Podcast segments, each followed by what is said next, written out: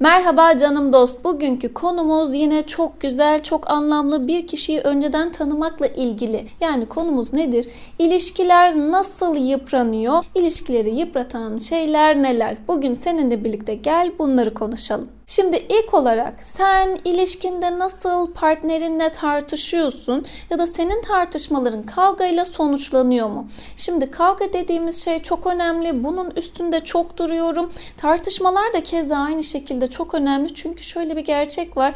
Bir kişinin karakterini tartıştığı anda söylediği sözler ve sergilediği davranışlarla birlikte anlayabiliyoruz.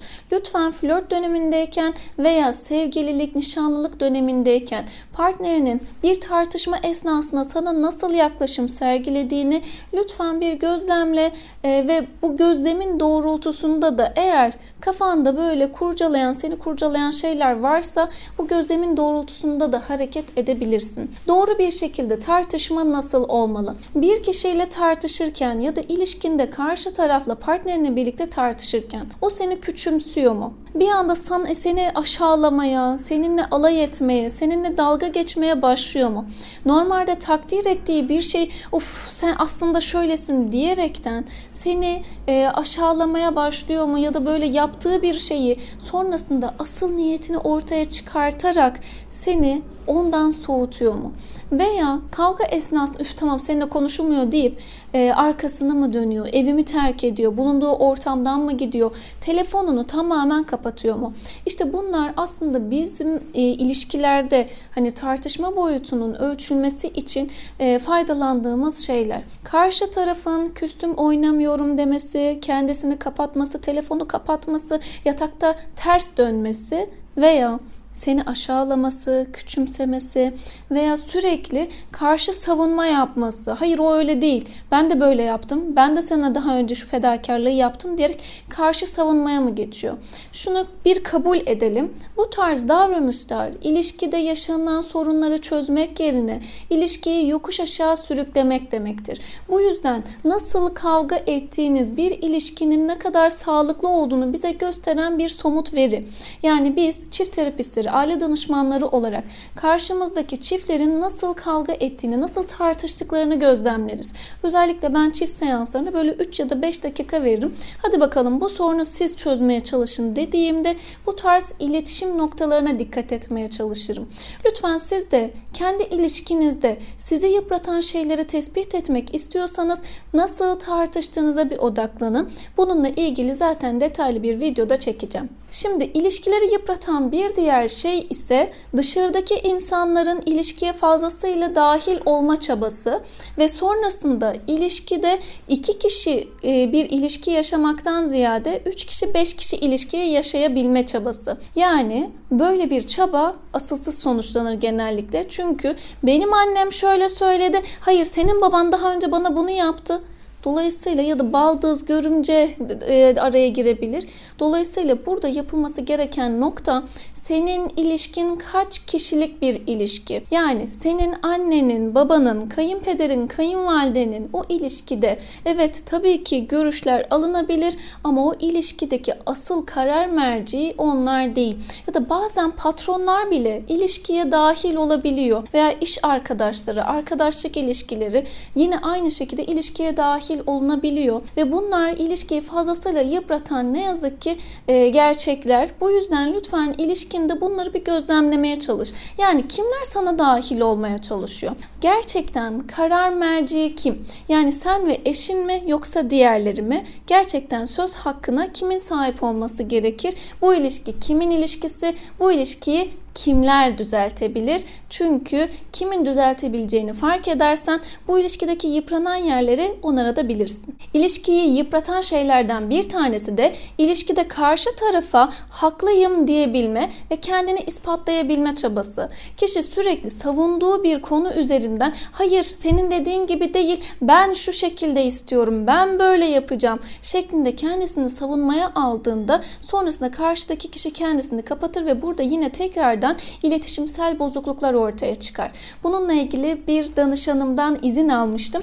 Ee, bunu sizlerle paylaşmak istiyorum. Evlendikleri ilk senelerinde çay dökmek veya çay koymak üzerinden defalarca tartışmışlar. Hayır çay dökmek değil orası çay koymak diye konuşulur. Hani onun doğrusu çay koymaktır. Çay dökmek nedir şeklinde bir yargılama. Aynı zamanda hani e, düzeltme ve sonrasında da haklılığını ispatlama çabası söz konusu burada.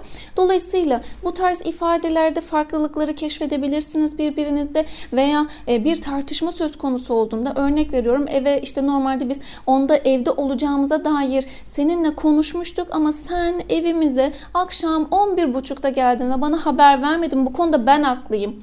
Yani haklı olmayı iddia etmektense orada ne hissettiğini yani ben seni çok merak ettim. Gün boyunca sana ulaşamadım ve senin başına bir şey mi geldi yoksa işte ben bir şey mi yaptım?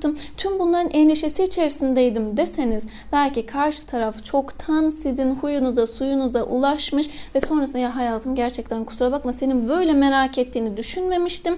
Dolayısıyla ben hani bugün işte şarjımı hiç edemedim. Telefonumun hiç şarjı yoktu. Sana haber vermek istedim ama haber veremedim. Böyle düşüneceğini hiç düşünmemiştim. Kusura bakma deyip karşı taraf size yaklaşacak mı? Lütfen ilişkiyi yıpratan konulardan bir tanesini de haklı olma çabası ve kendini ispatlama çabası olduğunu unutma. Kendini savunmaya ihtiyacın yok. Karşı tarafa hangi niyetle yaklaştığını, hangi duyguları karşı tarafa beslediğini anlatsan zaten ilişkin için yeterli olacaktır. Hayatta ne yazık ki her şey güllük gülistanlık olamıyor. Maddi sıkıntılar yaşıyoruz. Örnek veriyorum pandemi dönemindeyiz ve çoğu ailede ne yazık ki maddi sıkıntılar, ekonomik kaygılar söz konusu. Dolayısıyla aile içerisinde ilişki esnasında maddi sıkıntıların yaşanması da ilişkiyi yıpratabiliyor. Çünkü maddi sıkıntı dediğimiz durum kişinin kendisinde bizzat hissettirdiği o stres, endişe, tedirginlik duyguları ile birlikte karşı taraflı duygusal yaklaşım, cinsel yaklaşımı sergileyememesi ve sonrasında da ilişkide soğuklukları meydana getirmesi gerçekleşebiliyor. Dolayısıyla lütfen ilişkinizde maddi bir kaygı var mı? Gelecek kaygısı var mı? Ekonomik engelleriniz var mı? Bu da ilişkiyi yıpratan konulardan bir tanesi. Peki böyle anlarda ne yapabilirsiniz? Evet bu durumda belki siz de eşinize destek olabilirsiniz.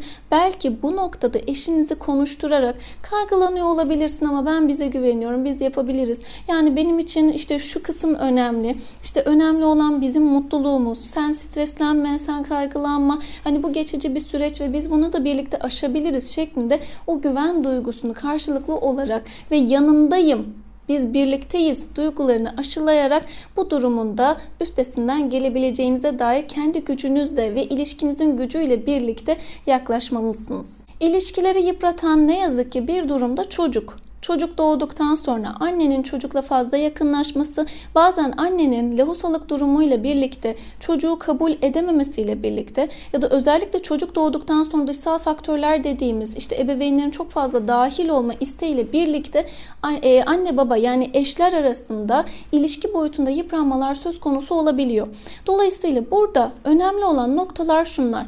Çocuk doğduktan sonra siz kendi muhabbetinizi engellememelisiniz. Birlikteliğinize devam devam etmelisiniz. Aynı yatakta uyuması gereken kişiler sizlersiniz. Çocuğunuzun yatağı ayrı olmalı, beşiği ayrı olmalı. İşte ilk 6 ay e, sizin odanızda olabilir ama sonrasında odası da ayrı olabilmeli. Dolayısıyla sizin muhabbetinizi engelleyecek pozisyonda sizin canınızdan, kanınızdan bir varlığı siz sonrasında öngörmemelisiniz birbirinize. Çünkü bu da ne yazık ki gözlemlerimiz doğrultusunda ilişkiyi yıpratan konulardan bir tanesi. Evlenirken şu cümleler kullanılıyor hastalıkta ve sağlıkta, iyi günde ve kötü günde. Fakat ne yazık ki ilişki başladıktan sonra, aynı eve girildikten sonra bazı sağlık sorunlar ki bu sağlık sorunlar bazen öncesinde söylenmeyip sonrasından anlaşılabiliyor ne yazık ki.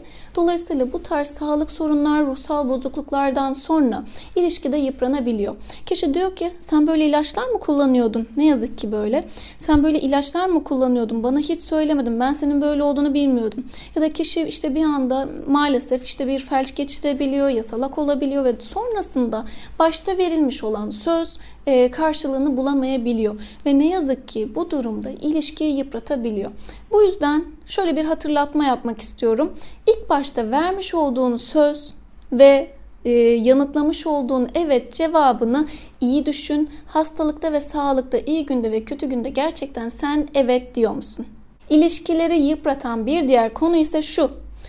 Diğer kişilerle olan yakınlığımız, yakınlaşmalarımız. Bu bazen arkadaşlarımız olabilir, bazen karşı cins olabilir, bazen ise ne yazık ki aldatmalar olabiliyor.